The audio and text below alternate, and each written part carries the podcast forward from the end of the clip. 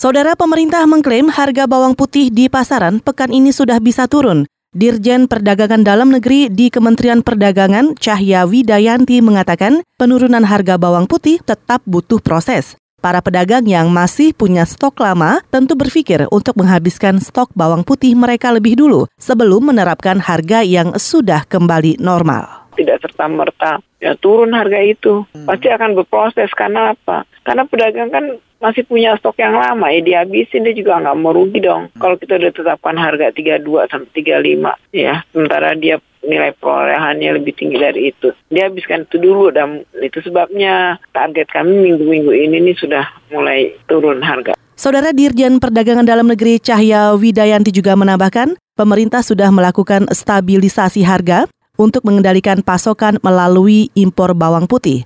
Cahya juga mempersilahkan rencana Satgas Pangan yang berencana melakukan penyelidikan harga bawang putih dan berusaha mengungkap dugaan adanya kartel perdagangan. Sebelumnya, saudara, Satgas Pangan Mabes Polri menyatakan ada kenaikan tidak wajar pada bawang putih di sejumlah wilayah. Penyebab kenaikan itu akan diselidiki terlebih dahulu oleh juru bicara Mabes Polri, Dedi Prasetyo.